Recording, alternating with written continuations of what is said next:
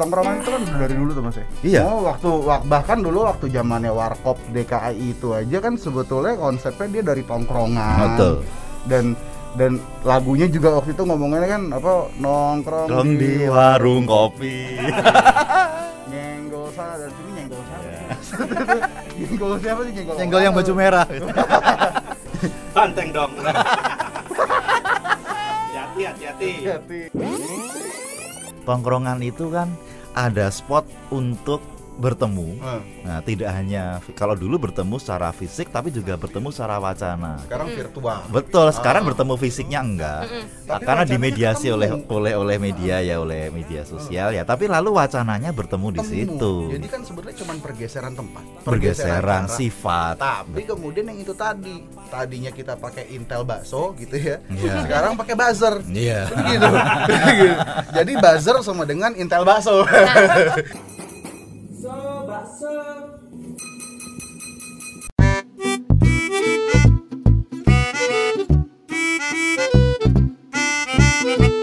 Alright, selamat pagi, selamat siang, selamat sore, dan selamat malam.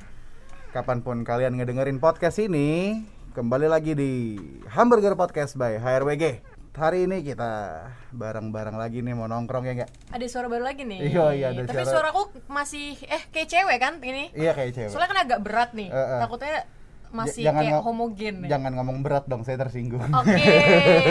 Berat sama Iya. besar gitu agak dikurang-kurangin Iya, agak ya. dikurang-kurangin lah ya Jangan nggak usah, nggak usah ngomong gitu-gitu lah Eh, Kemarin lo nggak ada di sini nih Belum ada nih. Kita masih penyesuaian dulu nih. Jadi Ah. pas hari ini makanya baru join dan hari Hmm. ini kebetulan aku mau ngucapin juga sebelum mulai nih, Bang. Hmm. Hari ini kebetulan kita berpasan, asik berpasan. Hari ini take-nya pas banget sama Hari Anak Nasional nih, Bang. Oh iya, benar benar benar benar benar. Mau Jadi ucapin selamat untuk anak-anak Indonesia. Selamat Hari Anak Nasional. selamat hari anak mas. Selamat Hari Anak Nasional Heeh. Dari studio Mana Suka. Ya. Tapi Suka-suka tapi- pada suka, gunting rambut.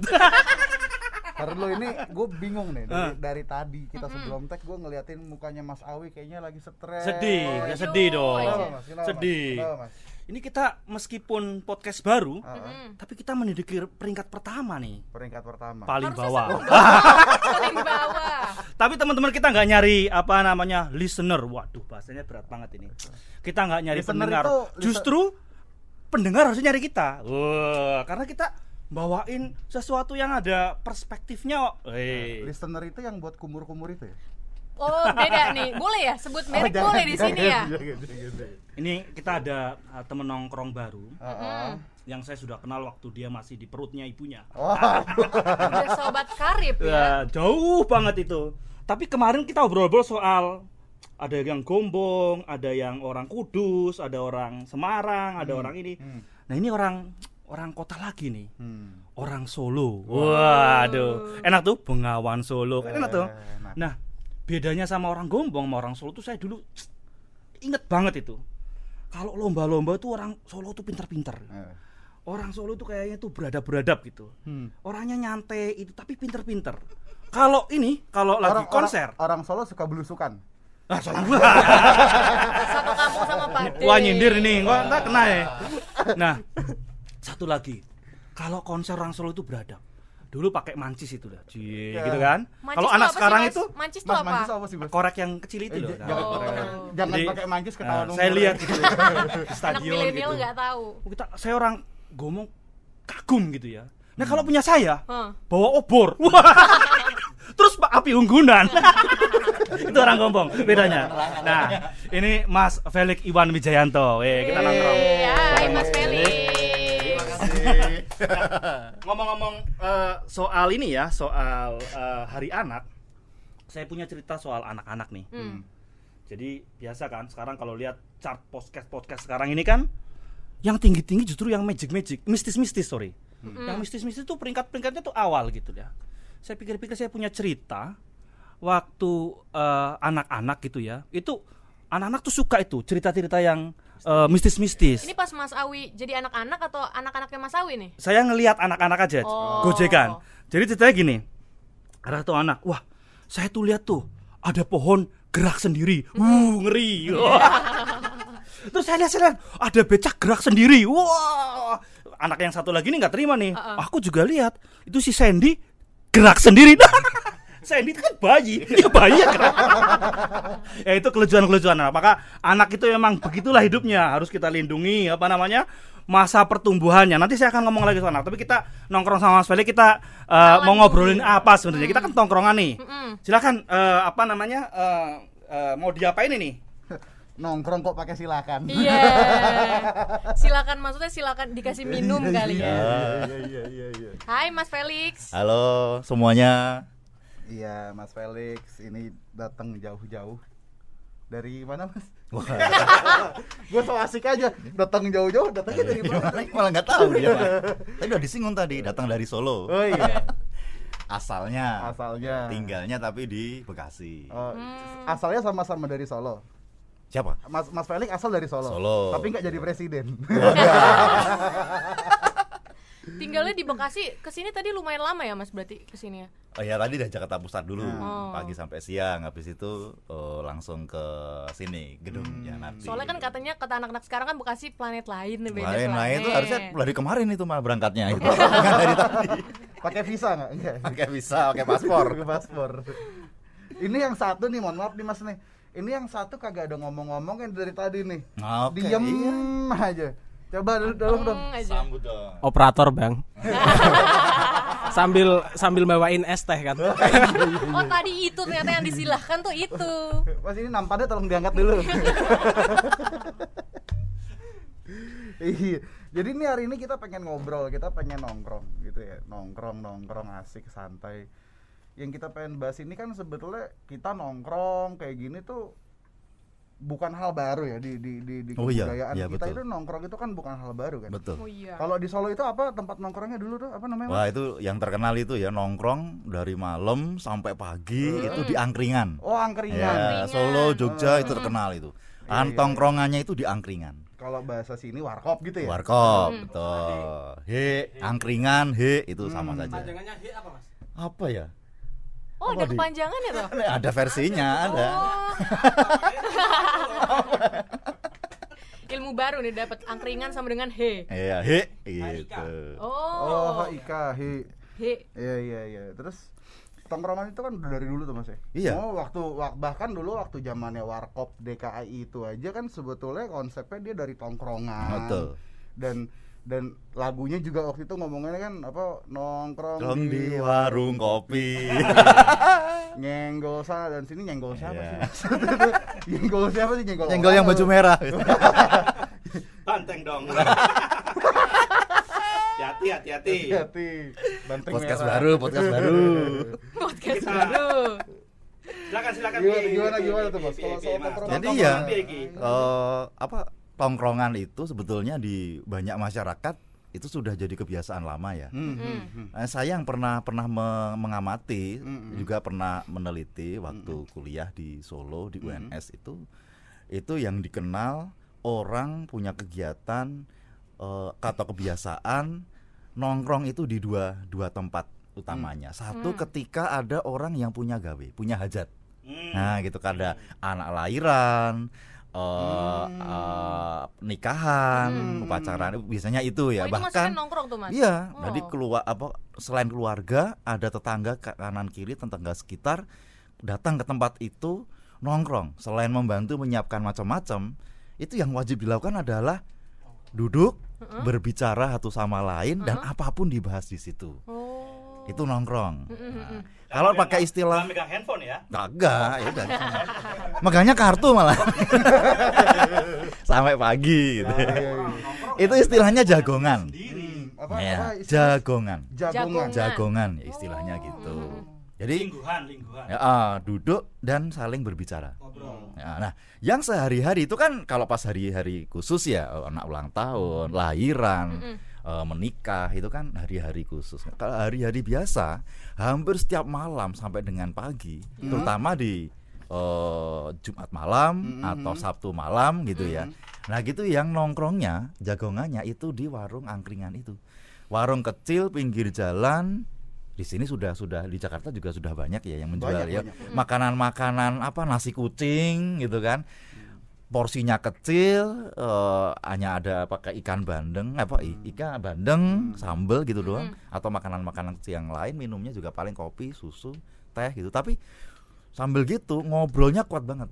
Tapi emang dulu kalau Mas Felix tuh emang hobi nongkrong ya dari zaman dulu gitu ya. emang nggak mau ya karena gini gini ada alasan kebiasaan temen tapi juga ada alasan kayak ada eh, values social valuesnya Jadi Oh, bagi orang-orang Solo Nongkrong ada orang Solo itu ternyata kalau hidup bertetangga Mm-mm. sekurang-kurangnya sempatkan waktu sesekali untuk duduk dan ngobrol Wih, nongkrong dengan tetangga keren. Seru banget, seru banget. Di sana itu ada ada ada apa namanya? Ada anggapan kalau hidup di Jawa itu biaya hidupnya murah, Mas. karena Tapi biaya sosialnya yang tinggi.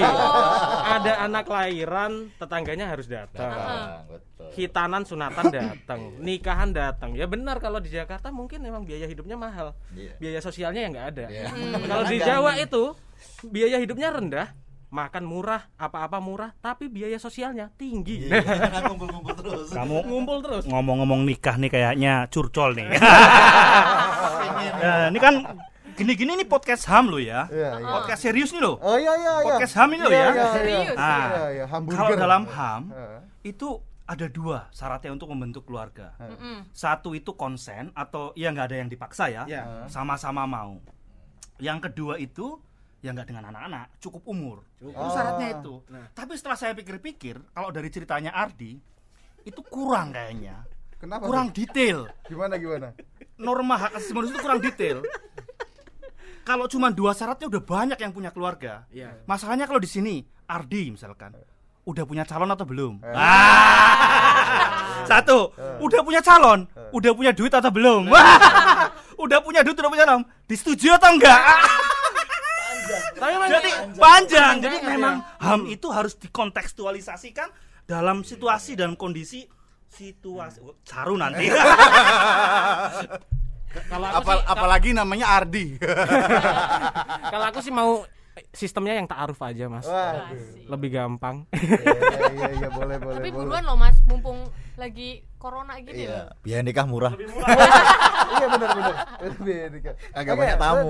Kalau ngomongin nongkrongan lagi itu Mas. Kita Iya. nongkrong ini kan Maksudnya kan itu kesannya jadi kayak sesuatu yang emang kita lakuin sehari-hari ya Mm-mm. Nongkrong, Iya, betul. kongko sama temen, Iya. ngobrol Tapi kalau ternyata tadi ada social values-nya gitu Itu itu sesuatu yang menurut gua tuh betul "Wih, Ternyata memang dari hal-hal yang sangat dekat sama kehidupan sehari-hari itu ada banyak yang bisa diambil gitu ya betul maksudnya betul jadi ini seperti apa ya orang-orang Jawa Hmm. khususnya yang di Solo yang saya amati dan saya juga lahir di sana itu Hmm. itu seperti ada tuntutan orang yang memang wajarnya begitu Hmm. jadi hidup bertetangga itu sekali memang apa bahasa Jawa, bahasa Jawanya itu ngetok itu menampakkan diri Oh. eh apa eh, hidup sosial itu sewajarnya ya apa eh, bergaul bersosialisasi ngumpul dengan dengan yang lain jadi gitu jadi kalau orang Solo intinya dia udah tahu bahwa salah satu dalam tanda kutip kodratnya adalah nongkrong Hmm. di mana kalau nongkrong kita ngobrol apa yang bebas-bebas jadi seharusnya dia nggak boleh mengekang kebebasan orang lain ya orang Tentu, Solo ya,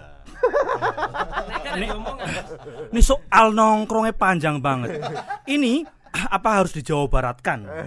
Dijabarkan. bisa, bisa, Nih, aku se se sesajane di orang ngomong itu susah ya. Eh, tadi eh, Sajane itu apa, Mas? Oh iya. Itu? Oke. Eh, se seyogyanya, weh tuh, seyogyanya Jogja lah gitu ya. Nggak ada senggombongnya itu loh. Waduh lah, ini dijabarkan, dijabarkan. Eh, kenapa nggak digombongkan gitu loh? Iya, iya. Kenapa harus di selalu lompat gitu ya? Seyogyanya, nggak senggombongnya. Kemudian pindah lagi dijabarkan, dijabar nih. belum lewat Kebumen, belum kok langsung Jawa Barat. Ya, kita kita kalau nongkrong ngobrolnya kayak gini ya nggak jelas banget ya Memang nggak jelas, tapi dan- kalau maksudnya gini dari dari dulu dulu dari zaman zaman dulu apakah tongkrongan memang maksudnya apa sih? Apa aja sih yang dibahas di tongkrongan tongkrongan kan Mas Felix ngamatin tuh. Iya. apa aja sih yang dibahas di tongkrongan? Oh, tiap bisa. dia tiap malam ngobrol. Iya. dia tiap malam ngobrol. Dari pagi sampai subuh ngobrol. 8 jam tuh minimal tuh. Tiap hari 8 jam ngobrol. Besoknya ngobrol lagi. Itu topiknya ada terus Apa bahasannya Ah, nggak habis-habis macam-macam. tuh? iya nggak habis-habis eh, apa bahkan ada selalu ada hal baru. Kalau kita bisa amati itu dari tongkrongan hari pertama ke hari kedua itu ada aja. Meskipun ada juga hal-hal yang biasanya sering muncul. Hmm. Itu dalam pembahasan itu. Misalnya nih ya, itu ngomongin soal judi, itu sering muncul gitu. Lalu ngomongin hal-hal yang sifatnya seksis gitu ya. Hmm. Eh, soal-soal apa eh, pornografi, perselingkuhan, lalu macam-macam. Itu udah Eh, bahasan betul. rutin ya, Mas, berarti ya? Iya, sering muncul lah sekurang-kurangnya. Oh, oke.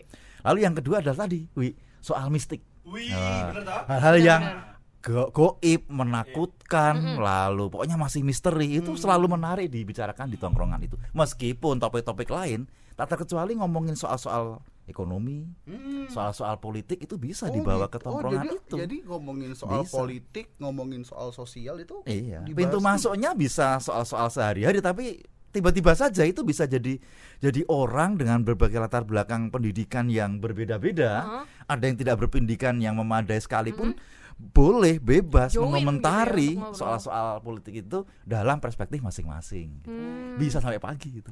Jadi tongkrongan atau angkringan itu jadi sesuatu yang memang orang ngomongin apa yang jadi hajat hidupnya mereka ya. Iya, Soalnya kan kalau sekarang ini ngomongin tongkrongan konotasinya agak negatif nih. Kalau misalnya orang tua sekarang kan pasti bilangnya kayak eh, ke anak-anaknya ya kayak betul. pulang langsung pulang jangan nongkrong-nongkrong dulu gitu. Tapi ternyata aku baru tahu kalau ada value di balik itu ya kalau di. Solo itu sendiri ya, Mas. Iya. Bahkan semacam agak menuntut seperti tadi saya bilang ya. Agak aneh atau malah mungkin akan jadi perguncingan orang tinggal di perkampungan eh, apalagi di Solo, dia jarang sekali eh, menampakkan diri, bergaul dengan tetangga sekitarnya, duduk bersama, kadang-kadang di salah satu rumah gitu yang strategis atau di Iya, iya. perempatan jalan atau di warung tadi, ketemu dan ngobrol tentang apa saja dengan orang-orang sekitarnya. Itu kunti namanya. Apa? Pernah keluar. Tapi Mistik lagi kan? tapi budaya kayak gitu maksudnya itu nggak cuman di Solo doang kan Mas ya? Enggak, enggak. Maksudnya gini, si Warkop DKI itu dia grup lawak yang kita tahu tuh pada masanya dia suka ngasih kritik sosial gitu ya, maksudnya ngomongin hal-hal yang memang agak dalam tanda kutip tabu dibicarain. Ya. Betul. Apalagi eranya Soeharto, Ya. tahu sendiri, Ya. ngomong dikit hilang gitu ya Ya. misalnya ya. Tapi kemudian ternyata mereka menamakan namanya sebagai warkop, Ya. terus lagunya yang tadi kita udah nyanyiin tuh Betul. nongkrong di warung kopi kan nyenggol sana, Sana dan sini. sini yang disenggol tuh sopo Sebetulnya bukan siapa, tapi bisa juga tentang apa. ah Isu apa gitu. Nyenggol tuh berarti bukan untuk betul. nyenggol orang iya, aja ya, Mas. karena ingin ingin apa ya membicarakan, mendiskusikan hal-hal yang dulu ketika dibicarakan terbuka itu menjadi hal yang sangat sulit. Tapi ya sekurang-kurangnya disenggol dulu, dikit, Oh, dicolek oke, dulu, oke, baru oke. kemudian nanti tergantung situasi orang yang sama-sama nongkrong itu akan membicarakan sampai sejauh mana. oh bisa bisa ya se selama lamanya bisa hanya cukup senggol sana senggol sini tapi bisa juga menjadi diskusi yang sangat mendalam Oh, gitu. tergantung siapa yang berbicara ikut terlibat Yang- di dalam yang- tongkrongan yang, yang pas, itu. yang pas lagi nongkrong itu ada Iya, siapa gitu kira-kira ya? Tukang bakso berhati ikut nongkrong. Itu juga tahun sekitar tahun 96 sampai 98 gitu ya. Ini kan eh, dulu sering disebut sebagai intel gitu ya aparat yang pertu- yang ditugaskan untuk mengawasi pergaulan sehari-hari masa rakyat itu itu lalu melaporkan kepada atasannya ini apa saja yang dibicarakan? Gitu. mengantisipasi supaya jangan ada gerakan-gerakan yang membahayakan pemerintah waktu itu gitu. Dan itu juga sering. Tidak selalu harus memegang HT atau membawa HT yang disembunyiin itu di sak belakang gitu ya Oh, oh. Iya, tapi ada di tempat-tempat tertentu itu ya orang emang rutin datang dan melaporkan ada apa di makanya sana. makanya sekarang lagi rame lagunya abang tukang bakso Bawa bawa walkie-talkie. yang satu ganti ganti asik abang-abangnya susah nyalain kompor gas Iya. Kemarin kemarin kemarin tuh ada yang lucu di Twitter ada yang nge-share gini. Jadi di depan entah di depan kosannya dia atau apa, itu ada tukang sate baru. Badannya tegap, rambutnya cepak. Ya kan? Tukang sate Iya, iya. nyalain areng nggak bisa-bisa. apa nggak difoto-fotoin itu sama anak kosan Katanya Trainingnya kurang. Iya, mbok mbok ya kalau apa Sekolah. kalau, lembaga yang tiga digit itu ya, tiga tiga huruf itu ya kalau misalkan ngasih pelatihan yang bener lah kalau disuruh jadi tukang sate minimal bisa nyalain arang nah, tapi menarik kayak gitu ya mas ya. Itu kan tongkrongan pada zaman dulu akhirnya dia ternyata bisa jadi sa- satu tempat untuk menjadi tempat di mana yang biasanya nggak bisa ngobrol bebas di situ jadi obrolan yang sangat luas gitu ya nah Betul. tapi kan hari ini tuh budayanya orang tuh udah udah udah bergeser tuh mas dia tadinya anak-anak muda zaman sekarang kan nggak nongkrong Iya. tapi Iya. ketika dia pengen ngomongin sesuatu yang yang apa yang dia pengen bicarain apalagi yang biasanya cenderung sensitif dia ngomongin di sosmed Ya. tapi tapi di sosmed itu ternyata ada yang namanya UU ITE itu gimana Oh Mas ya, Sosmed? betul. iya kan Sebetulnya itu apa ya? Hanya masalah eh, substansinya sama sebetulnya.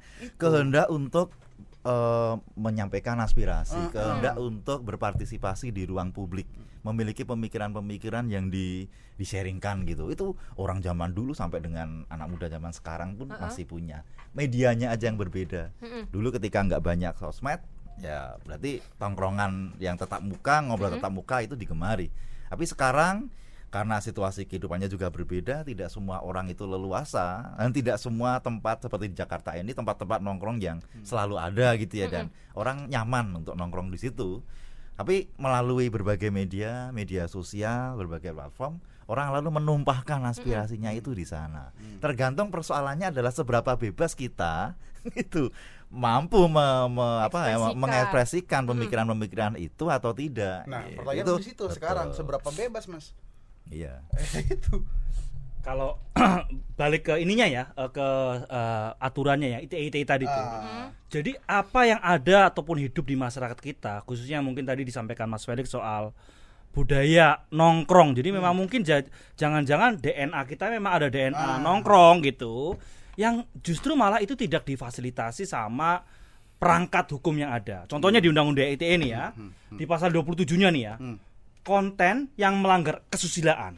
Lalu tadi pasti ada ngomongin soal tadi soal-soal selangkangan, jok-jok yang sifatnya pornografi. Pornografi. Orang-orang kita tuh suka, tapi memang itu pasti apa namanya bertentangan tuh nggak boleh tuh ada konten muat tuh kita bisa kena ITE.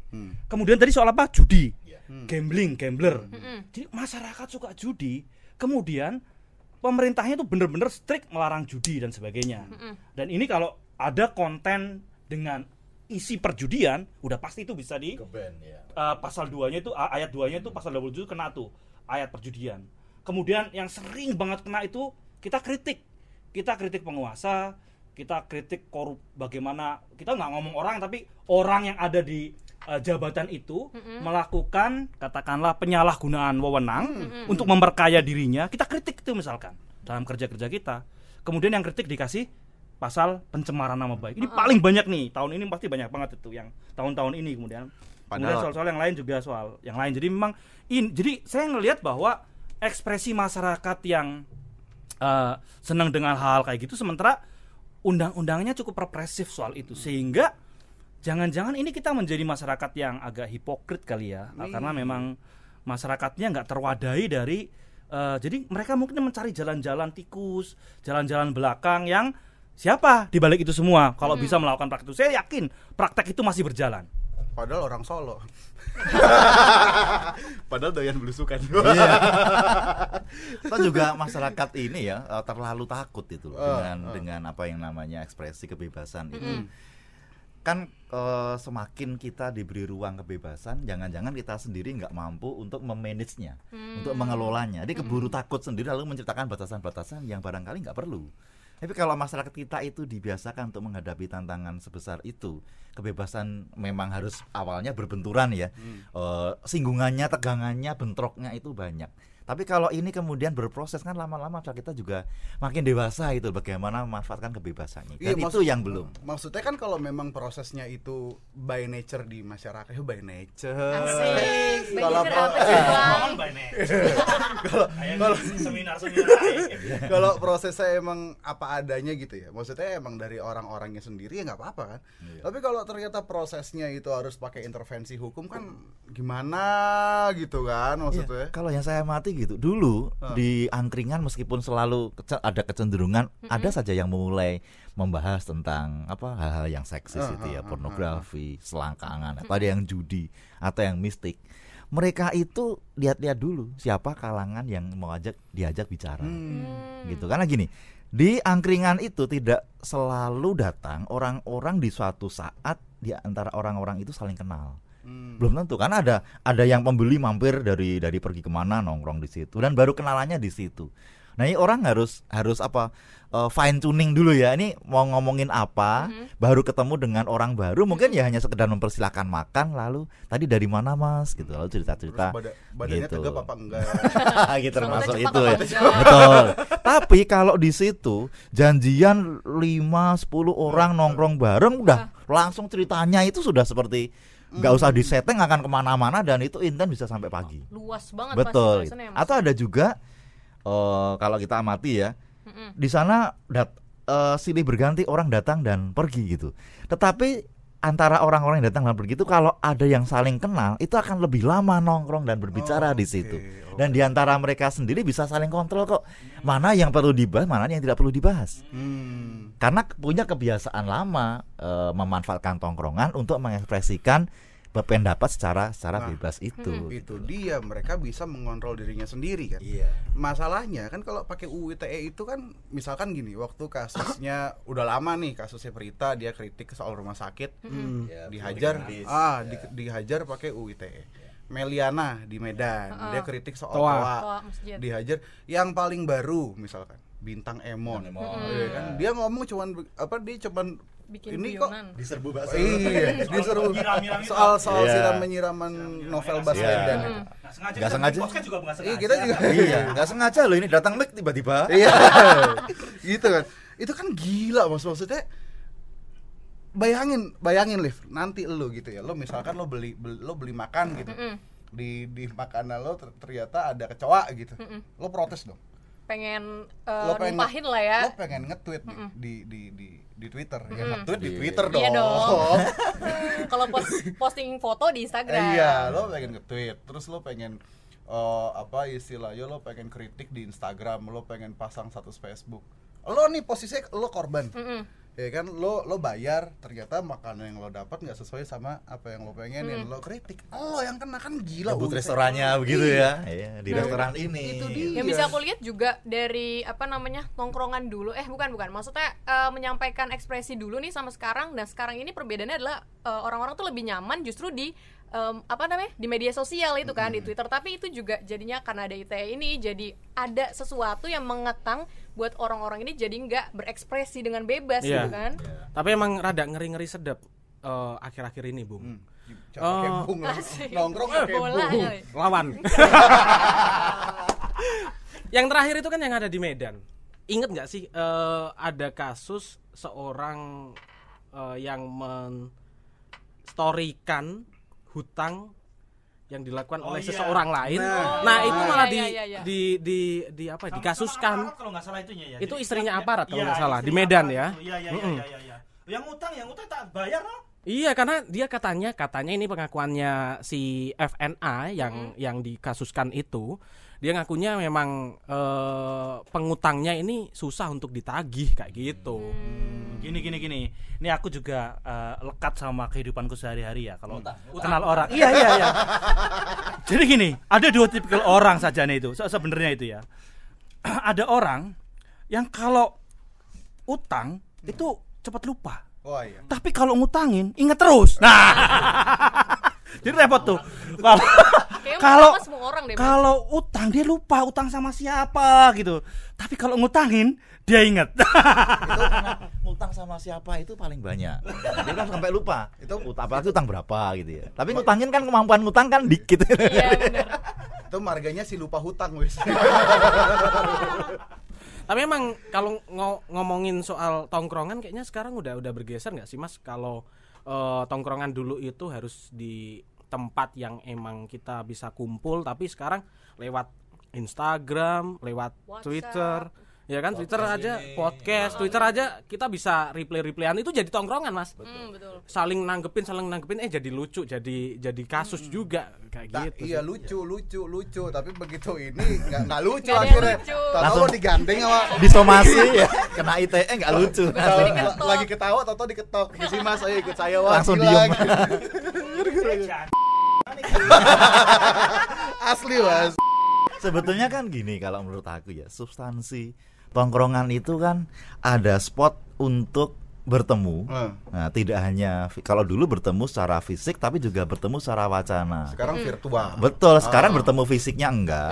Tapi karena wacananya dimediasi ketemu. oleh oleh oleh media ya, oleh media sosial ya. Tapi lalu wacananya bertemu di Temu. situ. Jadi kan sebenarnya cuma pergeseran tempat, pergeseran cara. sifat. Tapi kemudian yang itu tadi, tadinya kita pakai Intel bakso gitu ya. Iya. Sekarang pakai buzzer. Iya. Gitu.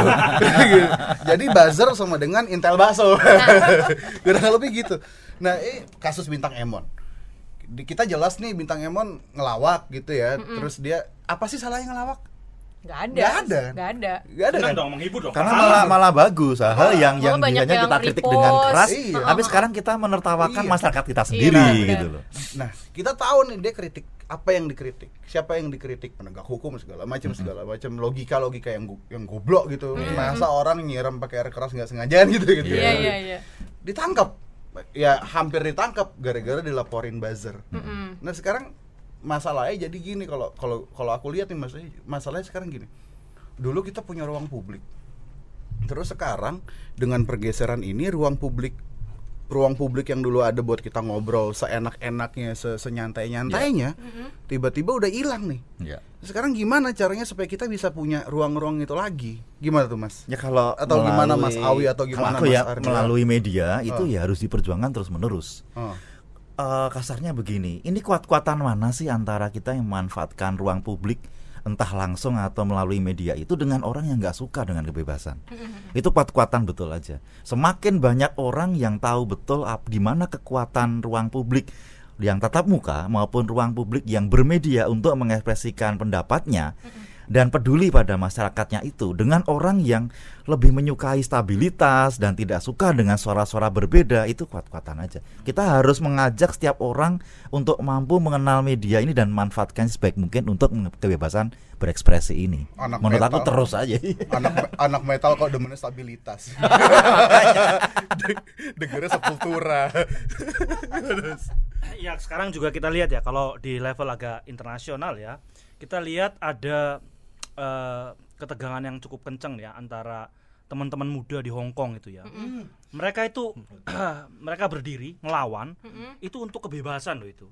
Mereka pilihannya ada dua, mau hidup atau bebas. Kalau cuman hidup, hidup itu mereka. Dalam undang-undang eh, apa keamanan nasional yang baru hidup itu. Tapi mereka nggak cuma mau cuma hidup kok. Ada yang lebih besar dari kehidupan itu kebebasan. Maka kita harus ya dukung soal kita juga 98 juga ya ngerebut itu ruang-ruang itu. Masa kita dengan seenaknya sendiri dengan undang-undang ITE dan sebagainya itu kita serahkan lagi tuh ruang kebebasan ekspresi kita. Lah ekspresi kalau ekspresi kritik itu kan bagus itu. Justru mereka orang-orang yang eh, dibayar dari uang uang APBN ya itu uang kita semua ya Iya. harusnya ngelindungin kita kok. kok malah nangkap-nangkapin kritik? Ini mereka itu pelayan yang tugasnya itu melindungi dan mengayomi. Lah kok nangkepin? Gimana nih? Iya. Nah, itu siapa tuh? Wah. Bukan, bukan, bukan. Bukan saya. Tapi eh, kalau tadi ya, perlawanan itu nampaknya sekarang udah udah mulai Perlawan lagi. Wah. Pakai pakai. Gimana? Gimana, perlawanan ya. Gimana perlawanan? Tapi kayaknya perlawanan ini udah udah mulai mulai eh, udah udah muncul di di mana aja oleh siapa aja kapan pun. Dulu kan mungkin udah digencarkan oleh teman-teman kayak Mas Awi dan eh, lembaga asasi manusia lainnya. Tapi akhir-akhir ini juga ada eh, seorang pegawai negeri sipil nih. Dari Lampung namanya Nur Haida yang mengajukan judicial review. Itu terkait pencemaran nama baik undang-undang ITE ke MK didampingi atau bebarengan sama seorang mahasiswa namanya M Iqbal Trenggono. Keduanya meminta agar pasal tersebut dihapus karena dirasakan meresahkan. Mungkin keresa- keresahannya sama, perlawanan keresahan. Nah, canom banget toh. Tapi emang rada-rada berat sih, tapi eh, bagaimana kita bisa hidup nyaman dengan tongkrongan-tongkrongan tadi yang mungkin sudah bergeser ke dunia digital, Mas. Kalau tar dulu, Mas. Kalau gua sih sebetulnya sesimpel ini, Bang. Maksudnya gua gua lebih gua nggak nggak mau ngomongin perlawanan keresahan bla bla. Gua ngomong sesimpel ini. Ketika gua kagak demen sama orang, gua pengen maki-maki dia, gua aman. gue sesimpel itu doang. Ketika misalkan gue beli makanan di restoran makanan yang gak enak terus gue ngomong di twitter makanan lo nggak enak. Aman gue cuma pengen kayak gitu doang. Sesimpel itu sedekat itu sama kehidupan gue sehari-hari. Itu doang rasa nyaman atas kehidupan sendiri iya rasa nyaman atas kehidupan Padahal sendiri. ya kalau misalnya aku lihat lagi kalau misalnya bentuk kritiknya kayak yang dibikin sama bintang Emon malah jadi lebih ringan gak sih? Lebih kayak tidak terlalu menohok langsung ke hati kalau bahasanya berat dan segala macam kan malah kayak agak males dengerinnya. Kalau kayak gitu kan jadi lebih apa bisa ada vibe vibe senangnya lah menerima kritikan kayak gitu. Iya. Iya. Menohok ya, menohok Iya. rasa tapi fun Ah, gitu. bener Tapi menyenangkan gitu. Kadang memang yang paling bisa memiliki daya ubah untuk semua lah yang di kehidupan kita ini masih belum beres itu adalah yaitu kemampuan menertawakan diri sendiri. Nah. Terutama hal-hal yang menurut kita ya masih kurang. masih gitu. Kan lebih enak ya kalau di bawah di bawah di Coba bawah baratkan. apa jabarkan dijabarkan di dijabarkan. seyuknya gitu daripada kita itu menerima kritik itu dengan keras gitu ya. Mungkin ada ketersinggungan. Tapi kalau menerima kritik itu dari hal-hal yang bisa kita tertawakan kita kan lalu larut itu loh di dalam di dalam kegembiraan Hmm, itu betul. gitu oh ada yang harus kita ubah tapi titik awal mengubahnya itu fun gitu loh mengubah gitu. Tidak tidak tidak sakit-sakit amat gitu tapi ya itu eh, ketika ada pihak yang masih ketakutan dengan apa ya di dibukanya kritik lalu itu khawatir dengan soal nama baik gitu. Di situ kelemahan undang-undang ITE itu yang memang setiap waktu harus selalu di di apa dicek kembali di review lagi. Ketakutan Meski- untuk dikritik ya. meskipun ketika orang mau kritik dengan cara apa pun ya sah-sah aja kan. Iya, kalau dia mau cara dengan sekeras apa pun sebetulnya poinnya bukan di cara dia kritik tapi di bagaimana orang yang dikritik menerima itu kan harusnya kan. Kadang kan orang itu khawatir gini loh kalau orang mengkritik tanpa dasar itu merugikan. Tapi kan masyarakat kita belajar kan pelan-pelan kan bahwa mengkritik itu ya ada dasarnya. Kumpulin dulu buktinya kumpulin dulu dalilnya kumpulin dulu argumentasinya itu orang masyarakat kita belajar loh bukan masyarakat yang dari dulu sampai sekarang itu bodoh tulus loh itu enggak harus harus ada pembiasaan untuk itu aku yakin bisa. Tapi itu catatan penting juga ya mas Kalau misalnya nanti nih yang ngedengerin ini asik listenersnya. Mau kritik itu kalau yang dibilang sama Mas Felix tadi harus di apa namanya dicatat juga kayak kita kalau mau kritik harus ada dasarnya ada bobotnya buktinya dan segala macam nggak main cuap-cuap aja gitu sih. Tapi sebetulnya enggak juga sih. Enggak maksudnya ya, ya memang lebih baik seyogianya. Seyogianya kritik ada dasar. Tapi kan kalau misalkan ternyata dia memang cuman pengen ngomong aja sebetulnya itu juga dilindungin Hmm, Iya, hak dia, dia, iya, ya dia, justru. dia mau ngomong ada dasar nggak ada dasar ya terserah dia. Ya kan? Cuman batasan-batasannya kec- misalkan misalkan batasannya kalau menurut gue ya dia udah ngajak orang buat ayo kita bunuh si A ayo kita serang si B. Ya itu udah itu itu itu batasannya mungkin di situ. tapi kalau misalkan dalilnya ada dasar atau nggak ada dasar selama ini dalil itu yang dipakai oleh orang-orang yang anti kritik kayak gitu ah lo nggak ada dasar lo ngomongnya gini. Hmm. Tahu deh nggak tahu deh ini dikoreksi aja masih kalau salah cuman kalau menurut gua sebetulnya ya ketika memang ada opini yang lo nggak suka lo hajar aja pakai opini lain Hmm. gitu kan Jadi main hajar-hajaran Iya, opini ya. iya heeh. iya kan Ya kalau eh, aku lihat gini ya, kalau kritik sih nggak masalah ya bagi saya memang orang justru eh, bagusnya ya berkembang gara-gara kritik. sih. Kritik itu ya untuk membangun. Yang kadang-kadang nggak teli atau yang kadang-kadang susah itu orang nyuruh-nyuruh gitu loh. Siapa kamu gitu loh nyuruh-nyuruh. harus gini, harus gitu. Ya kamu nyumbang apa gitu? Iya, iya, Aku iya. kenal sama kamu atau enggak gitu loh. Eh, kadang-kadang kita kalau ngelihat komen-komen itu ya lucu-lucu aja saya. Udah nggak apa-apa lah sebagai kebebasan ekspresi. Saya juga nggak anti kritik. Tapi kalau disuruh-suruh tuh saya nggak ya kesel juga gitu loh ya. Disuruh ini harus gitu, harus gini. Kamu ki sopo, aku sopo.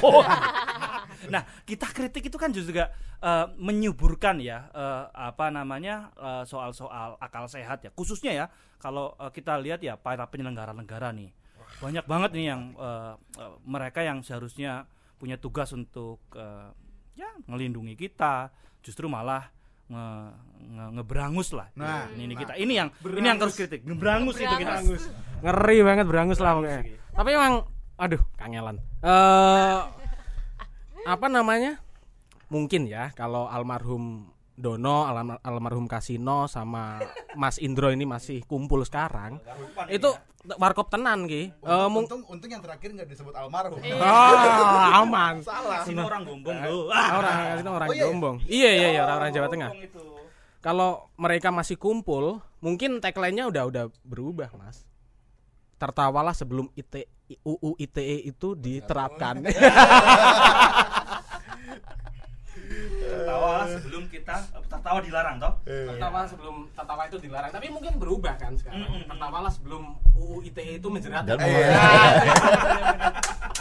Atau iya Iya, yang paling sekarang itu yang yang menurut tadi ya istilahnya itu yang kita perjuangkan. Wah, yang kita perjuangkan adalah orang terbiasa dengan itu tadi eh, mengungkapkan ekspresi. Ah. Oh, kita bisa bedain sih antara ekspresi-ekspresi spontan itu juga juga bagian dari asasi manusia. Masa orang nggak nggak boleh berekspresi Nah, apa pun itu ya. itu Orang sama sekali nggak boleh mengeluh, marah, kesel seperti itu ya. Dan eh, orang-orang yang memang dengan dengan sepenuh disadari eh, perlu mengkritik gitu ya, menyampaikan kritik demi perbaikan bersama-sama. Nah, jadi Gitu. intinya gini, berarti tadi kita istilahnya kita ngobrol nih, kita sepakat bahwa ternyata hari ini ruang publik kita udah nggak ada, udah nggak bebas ya, udah udah semakin mengecil gitu. Hal-hal konkret apa nih yang kira-kira bisa kita lakuin dulu deh, seenggak-enggaknya di sekitar Untuk merebut nge- balik ya? merebut iya. Heeh, itu gimana? Merebut. Mari Bung Nyebut kembali. Ya, Asik. itu Gimana? Bandung ya, Jawa Eh. Barat lagi. Tolong di Jawa Barat kan. Pertama yaitu membiasakan orang untuk bebas berekspresi. Itu dari anak-anak. Hmm. Anak-anak itu dibiasakan boleh bertanya, boleh berpendapat, anak nih ya. boleh betul konteksnya dengan hari anak ini karena eh, relevan sekali ya. Boleh mengekspresikan segala sesuatu tertulis, lisan, gambar di tembok itu nggak usah dibatasin. Karena semakin sulit eh, anak-anak itu tidak dibiasakan me- mengungkapkan ekspresi dari kecil, nanti sampai muda sampai dewasa dia juga tidak tidak menjadi manusia seutuhnya karena nggak bebas berekspresi. Dan ini yang celaka. Dan dia sensitif terhadap ekspresi-ekspresi orang-orang lain. Nah, dan iya dia cenderung apa defense terhadap ekspresi-ekspresi orang lain. Mudah tersinggung baper. Itu belum dikritik loh ya. Nah, kalau dikritik dia akan lawan dengan cara yang kekerasan gitu. Itu yang salah satu ya. Termasuk juga nanti dengan orang-orang muda kita dengan para pengguna media sosial gitu ya itu juga yang harus dibiasakan bagaimana mengungkapkan ekspresi itu dengan leluasa kemudian perhatikan bagaimana cara mengkritik Eh, lalu eh, pokoknya pembiasaan-pembiasaan itu harus dilanjutkan terus menerus gitu membangun kebebasan berekspresinya begitu Oke. Kalau dari eh, aku ya terakhir ini mungkin kita ngutip sama Voltaire. Aku nggak tahu. Prancis ini. Prancis susah ki. Voltaire. Ya saya boleh nggak setuju sama pendapatmu. Tapi aku akan bela mati-matian Heeh. hakmu untuk berpendapat. Wah. Yaudah. Iki yang penting Iya, iki. iya. Fairness. Fairness, yo. Yaudah deh, udah jam segini gue mau cabut dulu. Mentang-mentang Karena- tongkrongan karena cabutnya enak Iya. ya. karena karena karena berat ujung-ujungnya ngomongin Voltaire Voltaire. berat wis. Ah. Udah jadi gombong loh ya. Iya, sampai Udah ke males ah Prancis. pusing ah pusing.